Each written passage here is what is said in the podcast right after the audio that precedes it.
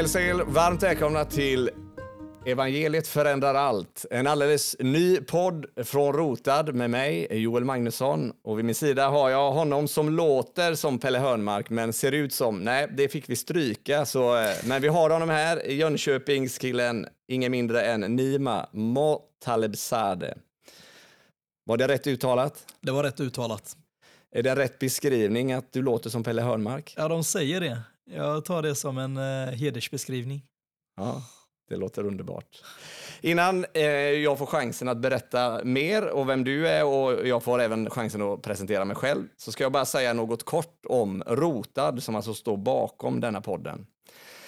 Själva namnet Rotad är hämtat från Paulus ord i Kolosserbrevet 2 och vers 7. Och jag läser den här texten, men jag läser redan från vers 6. Liksom ni tog emot Kristus Jesus som Herren, så lev i honom rotade och uppbyggda i honom och grundade i tron i enlighet med den undervisning ni fått. Och låt er tacksamhet flöda över. Och Detta skulle jag säga är vår längtan med allt vi gör inom Rotad. Att människor genom Guds ord ska bli rotade, uppbyggda och grundade i tron på Herren Jesus Kristus. Mm. Och att detta i sin tur leder till att som vi läste, tacksamheten flödar över i liv som förvandlas. Människor som helhjärtat älskar och följer Jesus Kristus. Det är vår längtan inom Rotad. Och några av de delar som vi har inom Rotad är ju att vi har framförallt böcker som ni hittar på rotad.se. Där finns det en mängd olika bra böcker som hjälper dig att läsa, förstå, förkunna och förvandlas av Guds ord. Vi har även en eh, hemsida. Eh, vet du vilken jag tänker på, Nima? Kan det vara rotad.se? Nej, Evangeliecentrerat. Evangeliecentrerat. Så vad, är det. Vad, vad, finns det på evangeliecentrerat, Nima? Det finns evangeliecentrerat material. Precis. Det finns massor av bra eh, artiklar där som är översatta från engelska, så gå gärna in och titta där. Evangeliecentrerat är ju ett svårt ord, men jag tror att ni kan googla er fram till det eller googla som de äldre säger. Sen har vi även en årlig bibelkonferens eh, som vi kallar för Utrustad, eh, som eh, faktiskt är snart, 24-25 mars i eh, Buråkyrkan. Eh, och i år kommer Vaughan Roberts och Timothy de Bernardi. Eh, anmäl er gärna till den eh, om ni inte redan har gjort det. Ni hittar all information på rotad.se. Vilket datum är konferensen? Jag nämnde det, men du kanske inte... Du sa det! 24, bra. Men det var ändå bra att du påminner mig, så får vi det igen. 24 ja, till 25 mars. Eh, och sen har vi även sommarläger och pastorsträning och annat. Men, men vill ni veta vad som händer inom Rotad så följ oss eh, på sociala medier. Eh, vi har ju inte känt varandra så länge. Eh, kan du komma ihåg hur, hur, hur länge sedan det var vi träffades? Alltså jag vet första gången jag såg dig var på just den här utrustad eller equipped-konferensen för några år sedan. Du stod och ledde musik, eh, du spelade gitarr i Göteborg. Vi pratade inte vid det tillfället, men du bad någon bön mellan lovsångerna som du sjöng och eh, jag minns att jag tänkte att det var den grövsta göteborgskan jag hört i hela mitt liv, tror jag. Eh, sen gick det nog något år och sen så var jag i Pingst Jönköping under min eh, period som student på ALT när jag pluggade teologi. Och så fick jag ett samtal av dig när jag satt där i källaren. Och du frågade om jag eh, kunde komma och gästpredika hos er eh, några månader senare.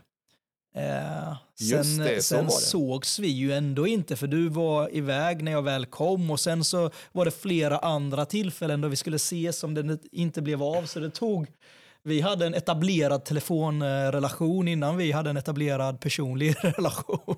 Ja, precis. Och, och, och, och över sms framför allt. Eh, jag brukar skoja med Nima och säga han gillar att skicka ljudmeddelande över sms så att det är en generationsfråga. Eh, precis. Eh, Spara tid för den som skickar men inte för den som lyssnar. Ja, precis. Jo, men så var det. Jag minns ju faktiskt samma också. Det var att jag hörde av mig och frågade om du ville komma och predika. Mm. Jag hade ju stött på ditt namn i dagen några gånger, men eh, så hörde jag av mig, det kommer jag ihåg, och sen kom du och sa till mig.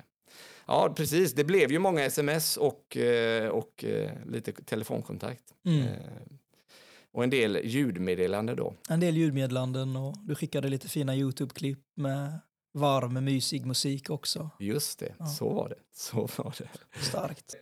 Från början var ju tanken att podden skulle heta egentligen Den vise och hans elev. Och det jag var den vise och du, du, du skulle, skulle vara min elev.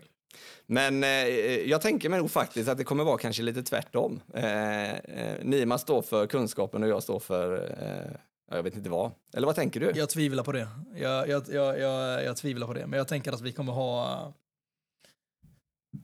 kul. Det tror jag med. Eh, nej, men vi, vi, eh, vi får ställa frågor och hjälpas åt tillsammans, tänker jag. Så eh, vi tar det som det kommer. Vi är ju båda noobs, som du var inne på. Precis. Så det här ska bli väldigt eh, både spännande och skrämmande. Ja, då går vi vidare i podden och då tänkte jag att vi skulle köra en, en, en liten presentation av varandra, säger man så? Eller? Det blir väl någon form av intervju av varandra med några kortfrågor där vi får svara. Och, och jag börjar ställa till Nima och Nima ställer sedan till mig. Så, så, jag, så min första fråga är helt enkelt eh, fullständigt namn. Du har ju redan sagt det, men du får säga det igen. Du kanske har ett mellannamn? Eh, jag har inget mellannamn, men jag har ett efternamn så det räcker att bli över. Nima Motaleb Sade, men eftersom att jag eh, har gift mig tämligen nyligen så kommer nog eh, Motaleb Sade eventuellt inte vara kvar eh, jättelänge till. Kan du avslöja? Jag kan inte för det, för Skatteverket gav oss avslag på Okej. det vi ansökte om, så vi får se vad som händer. Ålder? Jag blir 31 denna sommar. Rena ungdomen. Eh, familj? Jag har min eh, fantastiska fru Sofia, gift sedan fem månader tillbaka. Eh, inga barn, en mamma, en pappa, en stora syster. Och ni bor? Jag och min fru bor för närvarande i Göteborg. Eh, inte heller där jättelänge till, antagligen. Okej. Eh, jag blir glad av? Jag blir glad av, eh, jag blir väldigt glad när min fru eh, talar i sömnen, vilket jag har upptäckt att hon gör ibland. Då lutar jag mig exalterat över henne och frågar vad sa du med ett brett flin.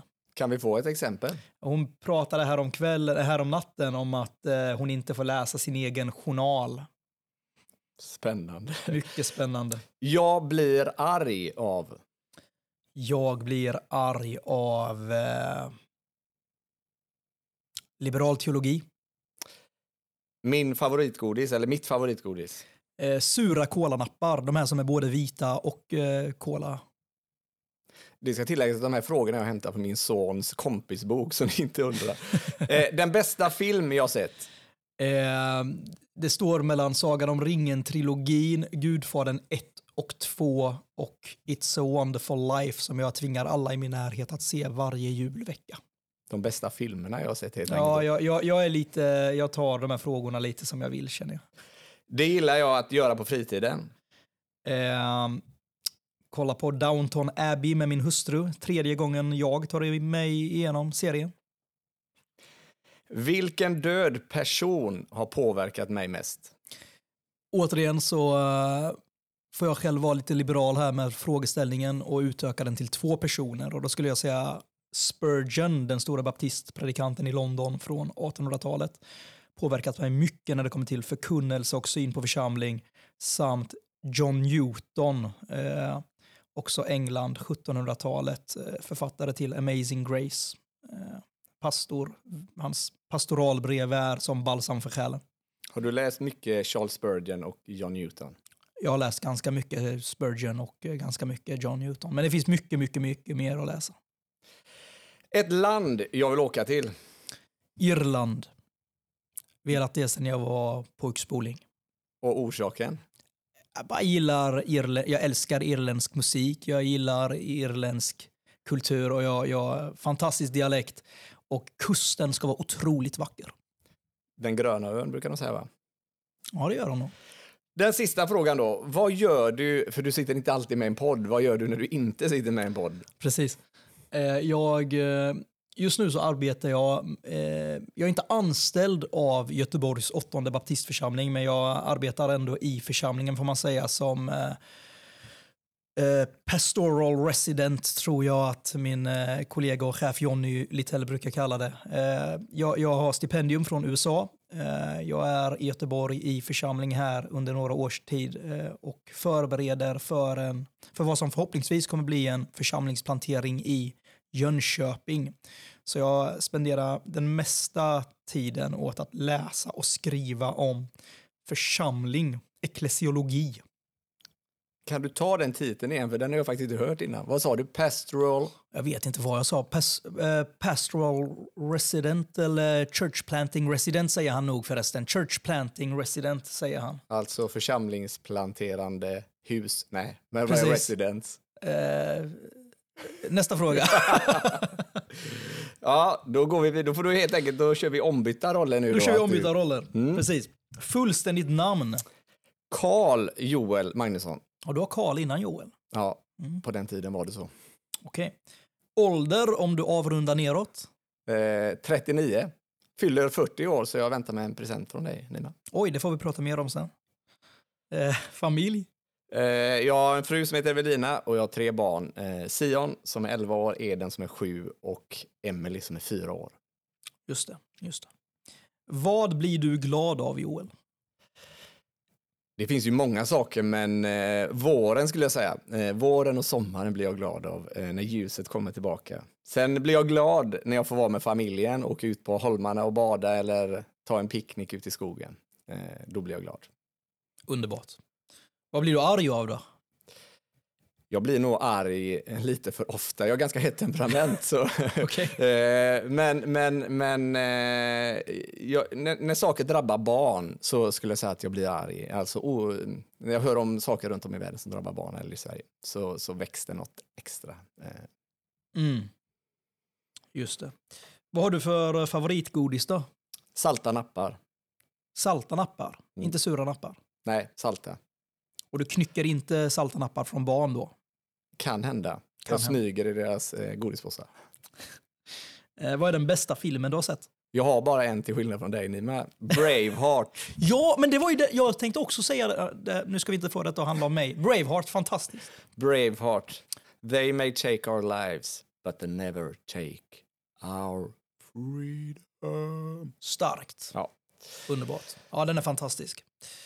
Eh, vilken död person har påverkat dig mest, Joel? Eh, Jag inser att frågan hade varit lättare om jag sa vilken levande person. ja, Men, precis. eh, precis. Eh, jag har ju... Det, för mig är ju det ingen...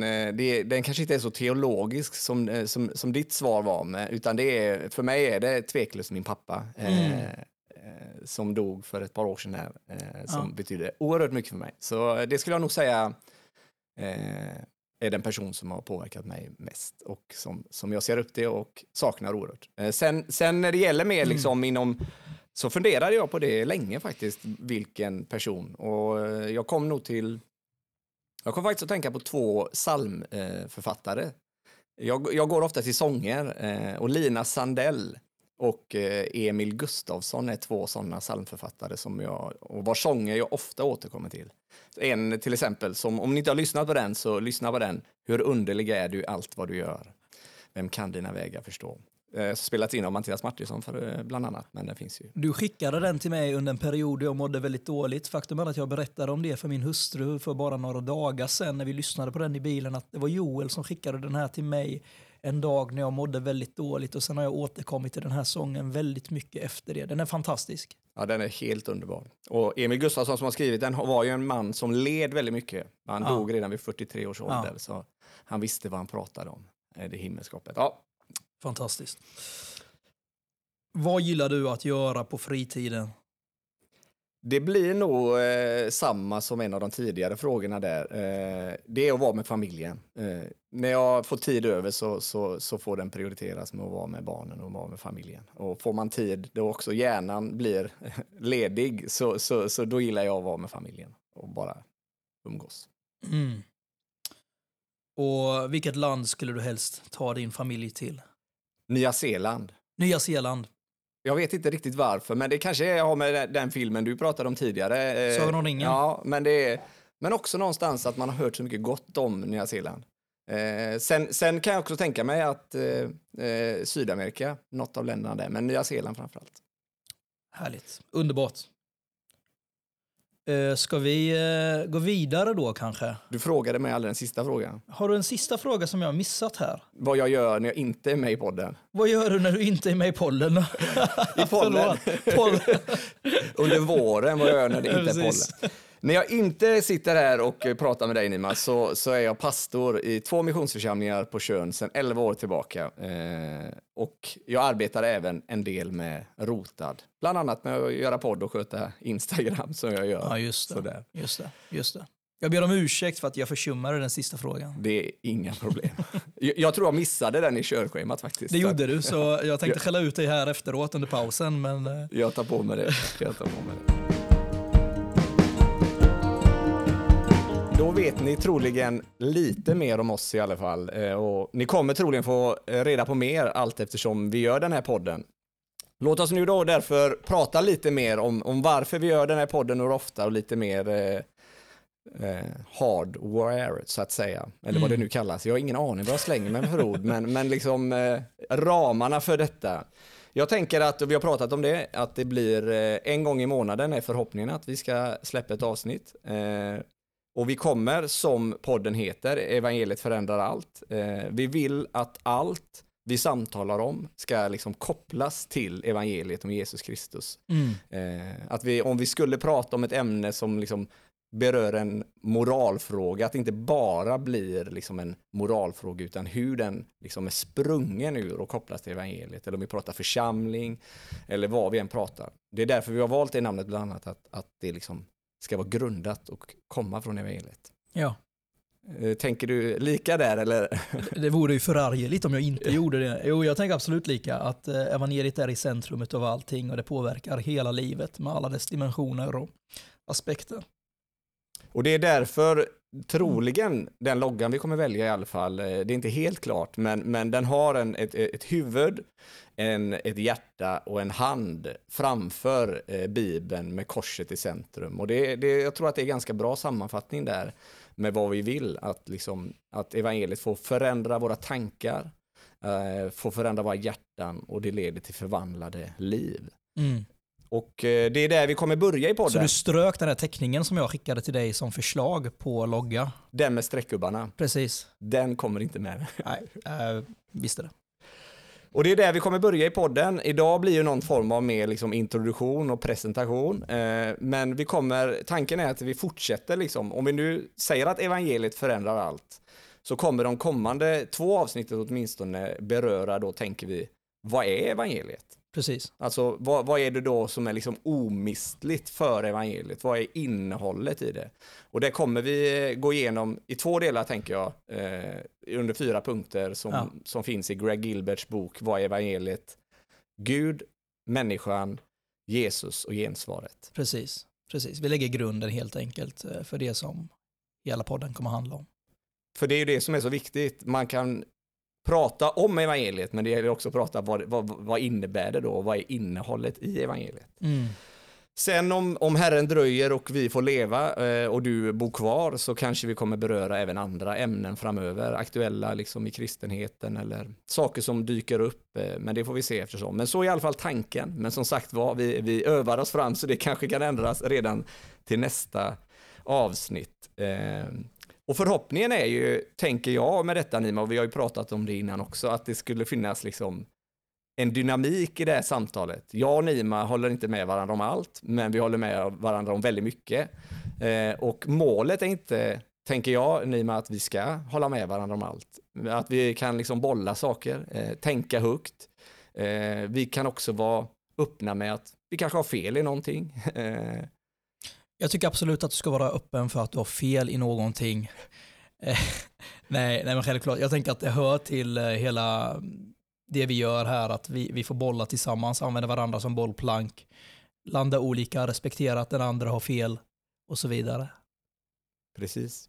Och jag tänker en hel del på, jag har levt med den texten med Simeon, för det är liksom, tänker jag många gånger när jag tänker kring detta, han väntade på Israels frälsning, eller något liknande tror jag det står. Mm, Eh, och så ja. gick han till templet, så får han se, alltså, liksom, vad är, vad är Jesus då, några månader gammal, eller några veckor bara gammal va? Ja, det är la 40 dagar efter. Jag predikade faktiskt över den texten för bara några veckor sedan.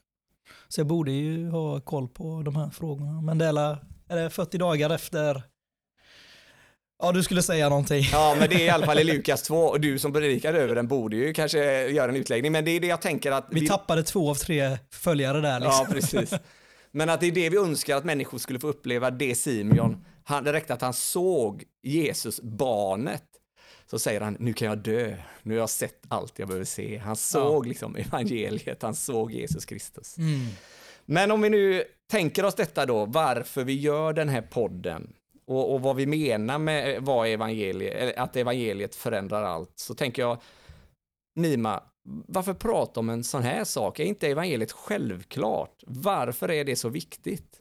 Vet inte alla redan det i svensk kristenhet? Jag tror att det är lite för självklart för oss att det är självklart för alla vad evangeliet är. Min eh, uppfattning är att väldigt många verkligen Kristusälskande kristna kan använda ordet evangelium, evangeliet på, på väldigt olika sätt. Eh, och, och det, det, är liksom inte begränsat till the lay people, utan även pastorer tycks ibland använda evangelium väldigt brett, ibland snävare och så vidare. Så jag tänker att vad vi behöver någonstans eh, utforska tillsammans är, men vad menar Nya Testamentet när det talar om evangeliet? Vad syftar det på? Är det någonting specifikt? Eh, min farhåga är ju att i svensk kristenhet, och inte bara i svensk, utan generellt liksom i den eh, liksom, eh, västerländska kristenheten, så har vi preskriberat evangeliet till mångt och mycket. Hur menar mycket, du då? Ja, men jag menar att vi, vi tar det för givet. Vi tar evangeliet för givet. Vi använder ordet evangelium mycket oftare än, vad, än vi definierar vad evangeliet faktiskt är. Eh, jag uppfattar ju att Paulus när han talar om evangeliet åsyftar ett väldigt specifikt budskap och att det inte nödvändigtvis alltid är samma sak som eh, vi menar när vi talar om evangelium.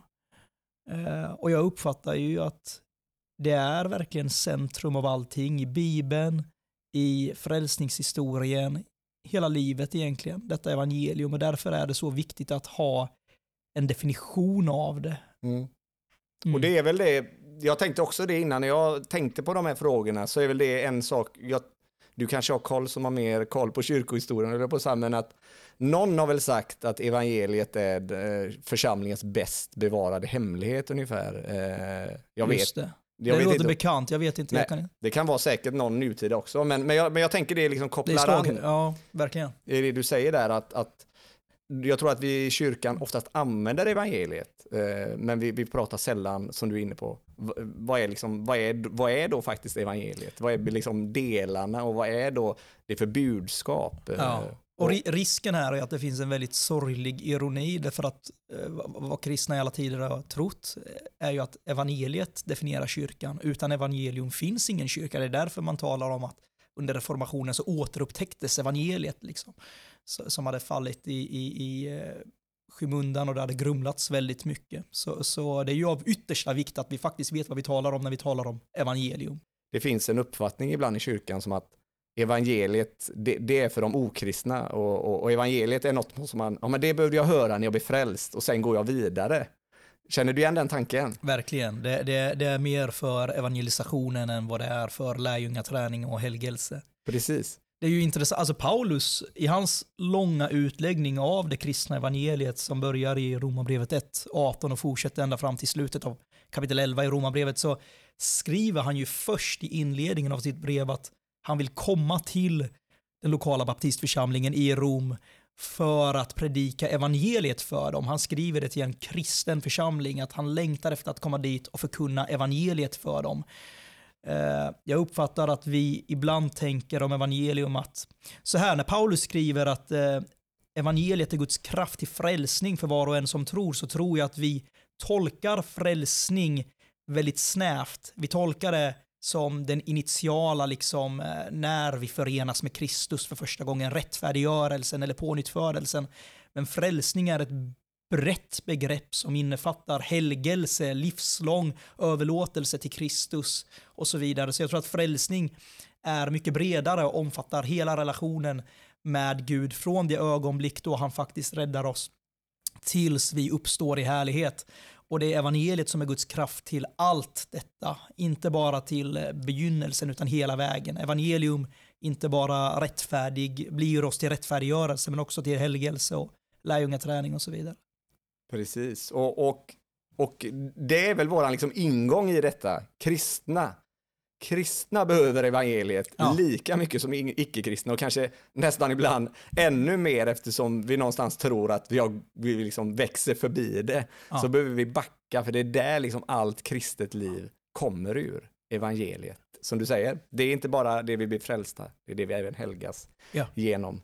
Eh, och jag vet, någon, någon smart har också sagt att det finns något som, jag, jag go- googlade faktiskt eh, avdriftsteorin, det fanns inte något som hette så, men, men, men jag tror att jag har hört något liknande, att det finns i alla fall, att, att om man ska flyga ifrån London till New York och så har man bara en grad fel när man startar resan, så innebär det inte att man hamnar en grad ovanför New York, utan då hamnar man väldigt, väldigt långt bort, för man Just kommer driva bort hela tiden. Just det. Och lite samma tror jag, eller tror, vi ser det liksom i den bibliska historien och vi ser det i liksom kyrkans historia och vi ser det i våra egna liv. Vi är på ständig avdrift ifrån evangeliet. Ja. Det var som någon, någon också sa att, att jag vaknar varje morgon som en farisé så behöver jag påminna mig om evangeliets sanningar. Och det tror jag är, och det, det är, liksom, det är därför vi vill prata om evangeliet. För vi behöver inte bara höra det en gång, Mm. vi behöver höra det många gånger. Ja. Och vi behöver höra det varje dag. Ja. Som psalm 90 säger, mätta mig med din nåd varje morgon så får jag leva och vara lycklig. Ungefär så. Jag vet Preach. inte orda, ordagrant, men det är att vi varje dag behöver mättas av Guds nåd. Verkligen. Och det är väl det vi, vi längtar efter att människor skulle få göra, att vi med våra enkla medel och berättelser skulle få väcka detta hos människor som lyssnar. En kärlek till evangeliet, en kärlek till Jesus Kristus så att varje dag få påminna sig om de sanningar som befriar och som helgar. Verkligen. Ja, ja, vi måste försöka gemensamt att komma bort från den här myten av att evangelium är startskottet och sen så tränger vi djupare in i det som är djupt på riktigt i det kristna livet. Eh, det blir inte djupare än evangeliet. Vi kommer spendera evigheten med att utforska evangeliet. Som sagt, vi vill ägna mycket tid till att prata om evangeliet och dess innehåll och det kommer vi göra i kommande avsnitt och framöver. Men eh, först tänkte vi eh, stanna upp lite mer kring våra bådas liksom, väg till tro och hur, hur Gud öppnade våra ögon för evangeliet, oss själva där, hur vägen såg ut. Och jag tänkte börja, att du får berätta Nima. Eh, du får helt enkelt välja själv hur du, eh, vad du berättar och hur du berättar. Men att, eh, hur kom du till tro? Hur såg din väg ut? Jag, ja men precis, jag har växt upp i en kristen familj. Mina föräldrar kom till tro på Jesus Kristus när jag var tre år gammal. De har ju muslimsk bakgrund för den som eh, inte hörde på mitt namn så är jag iranier. Född och uppvuxen i Sverige men mina föräldrar kom hit eh, 87, tror jag. Eh, så jag eh, har växt upp i en kristen familj. De blev frälsta i ett pingsammanhang när jag var tre år gammal. Jag vet inte riktigt hur gammal jag var när Gud födde mig på nytt. Eh, Jag, ibland säger jag, när folk frågar mig när blev du kristen så brukar jag säga på eftermiddagen den 3 april år 33 då Jesus Kristus dog för mig. Men eh, jag misstänker att jag var rätt ung, under tio, när jag eh, kom till tro på Jesus. Men sen eh, ja, men jag har ju liksom växt upp i kyrkan och så vidare under mina tonårsår. Strax efter att jag lät döpa mig faktiskt så, så hamnade jag ganska snett. Liksom. Fick aldrig riktigt några kompisar i kyrkan, var ju ointresserad av att vara i kyrkan. Började umgås, eh, eller nej, nej, jag började inte umgås med någon annan än vad jag redan hade gjort, men jag började liksom festa som de flesta ungdomar runt mig i skolan och så vidare. Det var lite speciellt för många har ju en story där de liksom driftar bort in i världen och sen så lever de jättevärldsligt och så vidare. Det stämmer också i mitt fall, men i mitt fall så är det väldigt, det finns två sidor av detta liksom, därför att jag, jag vaknade upp varje morgon, läste min bibel, böjde knä, bad, jag gav mitt tionde varje månad, jag, jag, jag var väldigt mån om att evangelisera för andra och så vidare. Men Under så, den här tiden? under den här, och sen så söp jag typ tre gånger i veckan och det var bara liksom leva världsligt och så vidare. Så det fanns en väldig legalism där, en väldig lagiskhet i att jag trodde att om jag, jag hade lovat vid ett tillfälle på en ungdomssamling på en persisk pingstkonferens, hade jag räckt upp min hand och lovat att jag ska läsa Bibeln och be varje dag. Och jag tänkte att om jag har lovat något sånt här dyrt och heligt inför Gud, då kommer jag ju komma till helvetet om jag inte gör det. Liksom. Så jag läste Bibeln varje dag. Jag, liksom, det gick in och ut bara. Men vad det gjorde var ju att det skapade en väldig disciplin. Hur Eh, gammal, vad, vad talar vi om för ålder här? Ja, men jag tror att jag, den här konferensen måste varit när jag varit eh, kanske 13 år eller något sånt där. 13-14 år tror jag. Så från det så bara läste jag Bibeln varje dag. Eh, Med extremt få undantag. Eh, knappt något undantag. Så att, så att det var någon form av tro att liksom att du måste göra det för annars så förlorar du din förälder. Eller liksom vad, vad, vad vad? Det, det, det var, jag hade en väldigt hög syn på att ge löfte. Jag tänkte att om man bryter ett löfte, då, alltså om man ljuger, om man ljuger för Gud. Jag har ju räckt upp min hand och lovat att jag ska spendera tid med Gud varje dag. Eh, så, så jag, och jag ville såklart göra det också. Uh, och jag, jag skulle ändå hävda att bakom allt detta så fanns en genuin relation med personen Jesus Kristus. Så, så nu i efterhand så, jag lyssnar ju på många som liksom säger att jag var aldrig frälst under den tiden, jag bara trodde det, men sen upptäckte jag evangeliet på riktigt. I mitt eget fall så har jag aldrig låtit döpa mig efteråt, för att jag tror att mitt dop var genuint. Jag var pånyttfödd när jag lät döpa mig och under den här perioden som jag levde väldigt världsligt så levde jag i strid mot min nya natur. Jag levde med en ständig syndanöd skulle jag säga. Och min... Kände du det liksom eh, under den tiden du gick ut och, och drack liksom att, att det var en inre kamp då? Ja, det gjorde jag. jag, jag och, och jag, jag det, finns tillfällen, det fanns tillfällen då jag evangeliserade på fyllan. Jag minns en gång när jag faktiskt stod och eh, bad över en kompis eh, i, tungor i princip på fyllan medan han mådde jättedåligt. Vi var ju bara tonåringar. Nej, det är osunt och hädiskt nu när jag tänker tillbaka på det verkligen. Eh, men, eh, men, men, men det sätter fingret på att jag, jag levde i en dubbelhet där jag visste att mitt sätt att leva strider mot min övertygelse om vem Gud är och vad han har gjort för mig och, och, och, och, och vilken andlig familj jag tillhör. Var det, Eh, någon, var det någon utifrån som också, du, du, jag hör dig beskriva liksom en inre kamp, men var det också någon utifrån som påtalade Niman, så här kan du inte leva? Egentligen inte. Det är klart att min mamma har spenderat många, många, många timmar på sina knän för mig och jag säger ibland att eh, nästan allt gott jag har i mitt liv från, från min frälsning till min hustru till mina nära bröder, vänner som du och andra är resultatet av mammas böner för mig. Eh, Jag är, jag är genuint övertygad om det. Eh, Men, jag, hade inte, jag var inte förankrad i kyrkan på det sättet, så församlingen, den lokala församlingen betydde inte så mycket för mig. Var, du Eh. med, var du med i någon församling? Ja, jag var medlem, eh, dessvärre ska jag säga nu. Jag borde ju ha exkommunicerats. Var Men- var du med någonstans då? Jag var med i, jag lät döpa mig i Pingst Jönköping och så var jag med där eh, tills jag kom tillbaka till eh, kyrkan, det jag brukar kalla för min second repentance 2014. Slutet av 2013, början av 2014 så hade jag en kris kopplad till en jag vet inte om jag skulle kalla det för en relation, romantisk relation, något sånt var det. Jag mådde väldigt dåligt i alla fall. Hade levt världsligt i en 6, 7, 8 år i alla fall, verkligen. Och hur gammal var du 2014? Jag borde Jag- kunna det med huvudräkning. Ja, det men- borde jag också kunna. Jag var, nu ska vi se, vad blir det? Jag- Det var ungefär nio år sedan. Jag var alla 21-22, typ. Eh, och eh, Vad var, det som, vad var det som skedde i slutet då, som du kallar din, din second repentance, alltså din andra omvändelse? min andra en, omvändelse, precis, där jag ändå har landat någonstans i att om Jesus hade kommit tillbaka under perioden då jag levde i världen så tror jag ändå att han hade placerat mig bland fåren. Eh, jag tror att jag var genuint frälst och att jag blev det i ung ålder. Eh, jo, det som hände var egentligen att jag var extremt olyckligt förälskad i en kvinna i ett eh, annat land. och eh, jag mådde väldigt dåligt över den här relationen. Eh, och jag, jag började be böner till Gud om att jag inte orkade leva mer. Jag vill inte få det att låta för dramatiskt. Det var inte så att jag var självmordsbenägen eller så. Men jag, jag, jag tappade verkligen livsglädjen. Och det har varit någonting jag kämpat med lite till och från eh, under livet. Liksom. Någon form av dödslängtan. Och sen så jag tror att det var typ när Hillsong hade släppt den här sången eh, Christ is enough for me och jag hade börjat gå lite mer i kyrkan och de sjöng den här svenska översättningen Kristus är nog för mig mycket och jag hade sjungit med lite och jag upplevde en kväll när jag satt på mina knän och grät och mådde så dåligt och eh, liksom försökte förhandla med Herren att kan du inte ta hem mig typ.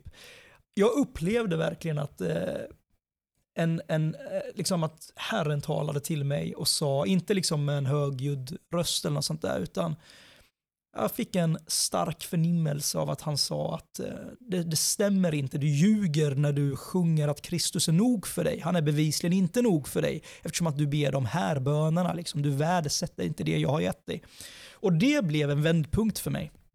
Det blev en vändpunkt eh, och i och med det här så upplevde jag att jag, jag, jag vill eh, ge mig själv helt och hållet till Herren. Jag vill inte stå, det står ju någonstans där i gamla testamentet, liksom att ni, ni, ni kan inte välja sida. Det är Elias som säger om Elia. Herren är Gud, liksom, om Herren är Gud, så välj Herren. Och om, om Baal eller någon annan liksom, är Gud, så välj, välj det. Liksom. Var inte ljumma, bestäm er.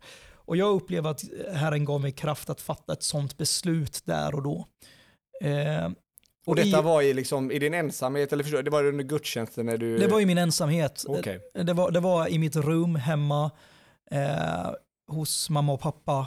Jag, jag, eh, under en period, det hände inte på en kväll utan det känns som att det var några veckor där det skedde en inre process där jag mer och mer fick en längtan tillbaka till, eh, till Herren och hans folk. Och jag, jag, i och med det så upplevde jag också en stark kallelse till att eh, ge hela mitt liv, inklusive min, eh, vad ska jag säga, arbetstid. nej, men en kallelse till tjänst, en kallelse till, till att förkunna Guds ord. Och jag fick en väldig kärlek till Bibeln. Jag hade ju redan disciplinen då med tanke på det som jag berättade tidigare, att läsa varje dag.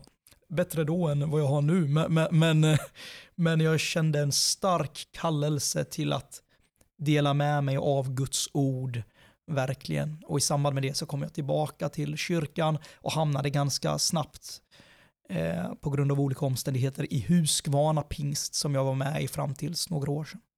Okay.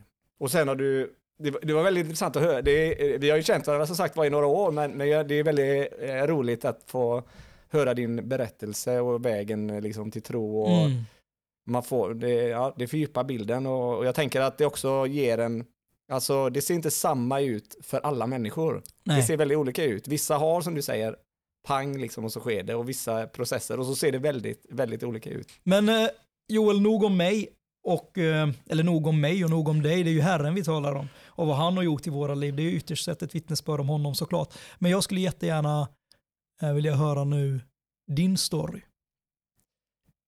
Det är alltid svårt. Det är roligt eh, när jag hör dig berätta, för jag tänker att det finns liksom anknytningspunkter och likheter på olika sätt. Eh, jag är uppväxt i en kristen familj. Eh, vi sitter här i Fiskebäckskyrkan och spelar in. Vi är tacksamma för att vi får det. Fantastiskt. Mycket tacksamma. Och det är den här församlingen jag växt upp i. Och jag har nog alltid sett mig som en kristen.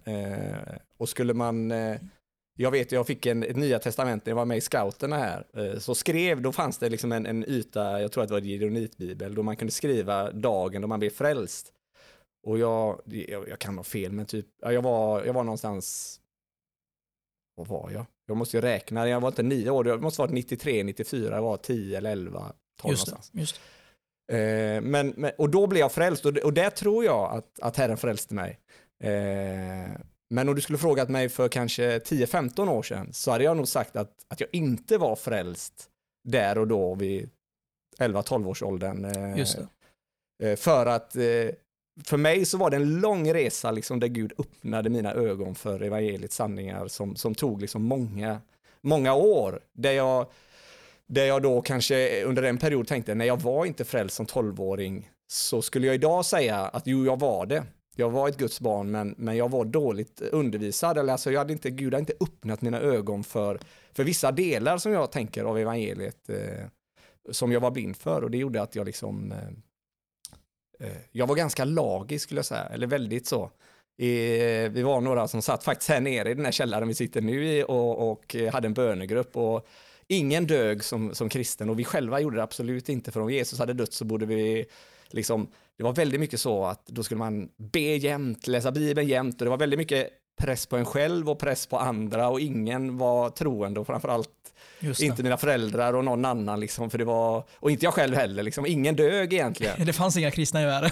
Nej men nästan lite så eftersom att ingen levde ju fullt ut liksom. Så det var, och, det, och då var det en väldigt liksom, kon, liksom, kontrast där med att i skolan var jag livrädd för, ja du vittnade sa du, men jag var, vågade inte vittna för, för jag var livrädd. Så att det var liksom välja kontraster där. Så jag gjorde ju ingen revolt i, i tonåren, liksom, att jag gick ut och eh, drack eller så, utan jag gjorde mer revolt att jag skulle vara den superkristne, liksom, ungefär så. Just. Eh, och som tur är så har Gud barmhärtighet och tålamod och jobbar med en under tid.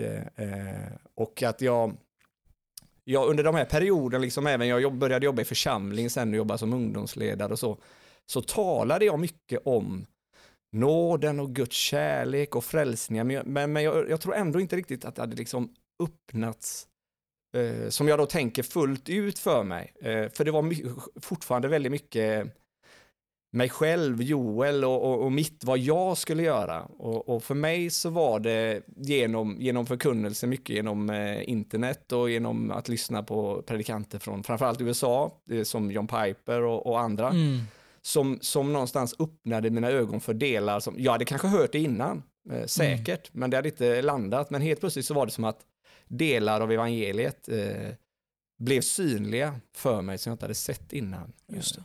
Hur gammal var du då sa du? Jag skulle nog säga att jag är 39 nu, att det kanske var någonstans i 26-27 års åldern. Du skulle säga att du är 39 nu, jag skulle säga att du är 50. Ja, men det råder delade meningar. Men, men, men, det är ju verkligen så att de här internetförkunnarna är the gateway drug för många. Liksom. Att man får upp ögonen för just evangelium och de djupaste sanningarna. Så, så var det för mig i alla fall. Och, jag, och som sagt var att det är lätt i efterhand att tänka att det är ingen som hade sagt det innan. Det var det säkert. Men, men för mig var det som att varför har ingen eh, berättat detta för mig innan på det sättet? Och det var väl kanske framförallt upplevelsen av att, eh, som jag tänker att, jag hade nog förstått att, att synden liksom underkände mig. Just det. Jag förtjänade att dömas för min synd. Men jag hade alltid flytt till vad jag kunde göra för att kompensera det.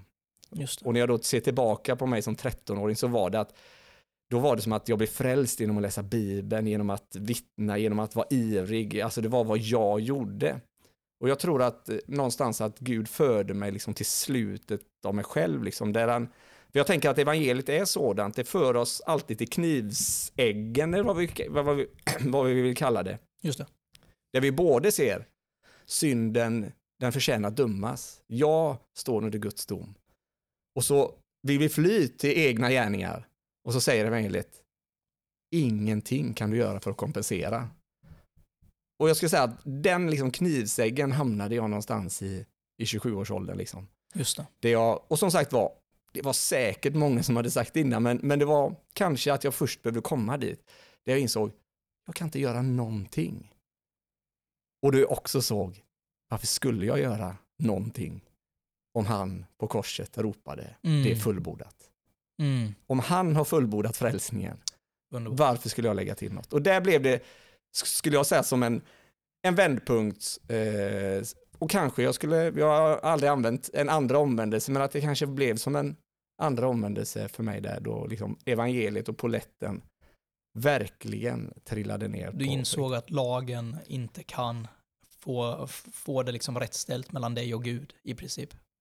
Absolut, och, och jag vill inte, man, man ska absolut inte jämföra sig med sådana stora män som Paulus, men, men jag var nog väldigt mycket på väg till Damaskus fram till den tiden någonstans i, ja, mellan, jag har svårt att sätta år, men mellan 25 och 30. Det var mycket. Men till skillnad från Paulus så tror du ändå att du var frälst innan din Damaskusresa då? Ja, jag, jag tror det. Absolut, ja. jag tror det. Och, och, men, och samtidigt så, så jag, jag tänkte mycket när vi liksom skulle förbereda den här podden också att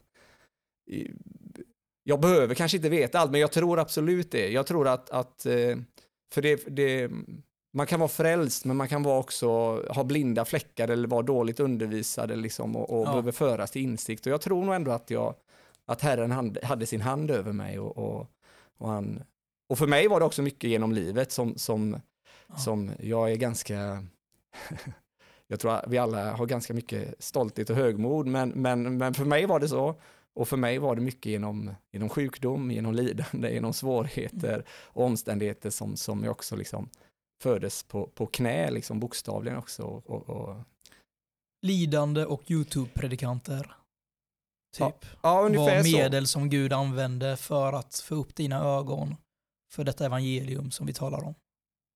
Absolut, och jag, och jag, jag tror att det är så mycket mer än vad vi tror egentligen i alla delar av Bibeln att först behöver vi lära oss om det i huvudet och sen så för Gud oss till situationer i livet ja. då vi lär oss det i praktiken. Ja. Det var som någon, eh, nu har jag sagt många gånger det var som någon, men att någon uttryckte sig att, att eh, det är en sak att säga Jesus är det enda du har när, när, när Jesus verkligen är det enda du har. Eh, och jag tänker att Gud gör så gång på gång. Liksom. Det är ju lätt att, att säga jag litar på Gud och så för han oss till platser där vi måste lita på Gud. Verkligen. Och så tror jag han gör hela tiden och han använder oftast som du säger, YouTube-predikanter eller bibel. För mig var ju också romabrevet, jag läste mycket romabrevet i ja. den perioden. Och så, så Guds ord och, och förkunnelse men också omständigheter ledde mig liksom till slutet av mig själv och öppnade evangeliets dyrbara sanningar. Det är underbart att höra. Och till alla lyssnare där, när eh, Joel säger som någon sa så är det bara sig själv han citerar hela tiden och framställer det som någon form av ancient wisdom liksom. Men eh, vi som känner honom vet att han hämtar ur sina egna visdomsgruvor. Jag vet, vet varför jag tror att man säger någon som sa, det, det är dels därför att man vet man vet inte ens om någon har sagt det, så det kan vara en själv, men det kan också vara någon jättebra. Så att det... Jag brukar säga, som någon sa när jag inte vill nämna vem det är, för att jag inte vill att, för att jag vet att den personen också har sagt en massa dåliga saker som jag Aha. inte vill uh, göra reklam för, då, då, då anonymiserar jag personen. Typ. Ja, i mitt fall är det faktiskt så att jag vet, vet jag om vem som har sagt det så, så, eh, så, så, brukar jag nämna det, men många gånger så, det har nog med mitt minne att göra med att jag glömmer. Så. Ja, just det. Men, vad, men vad härligt att eh, höra, höll jag på att säga med mig själv, är det jag som har berättat, men att få dela, eh, dela det här och, och ja. förhoppningsvis så, för er som lyssnar så kan det bli en hjälp. Eh, jag och Nima, våra resor liknar i bitar varandra. Mm. Din resa, du som lyssnar, du kanske har en helt annan resa, men, men det vi behöver oavsett är ju att föras till liksom slutet av oss själva och att Gud öppnar våra ögon så att vi ser evangeliet i dess helhet och fullhet, vad han har gjort för oss. Amen. Nu har vi inte talat så mycket om vad evangeliet då är, utan vi har ju talat mer om evangeliets konsekvenser, eh, subjektivt tillämpat i våra liv, men eh, det ska ju bli väldigt roligt. Jag ser i alla fall väldigt mycket fram emot att få gräva djupare i vad, vad menar du och jag när vi talar om evangelium? Och det är ju mycket möjligt att eh, vi menar i mångt och mycket vad de flesta tänker på. Men, men, men, att verkligen få sitta ner och samtala mer om detta ser jag fram emot. Det gör jag med. Det får nog bli avslutningen för idag, för nästa gång så kommer vi gå in på det mer. Vad är då evangeliet? Så lyssna gärna då. Då tackar vi för den här gången. Tack.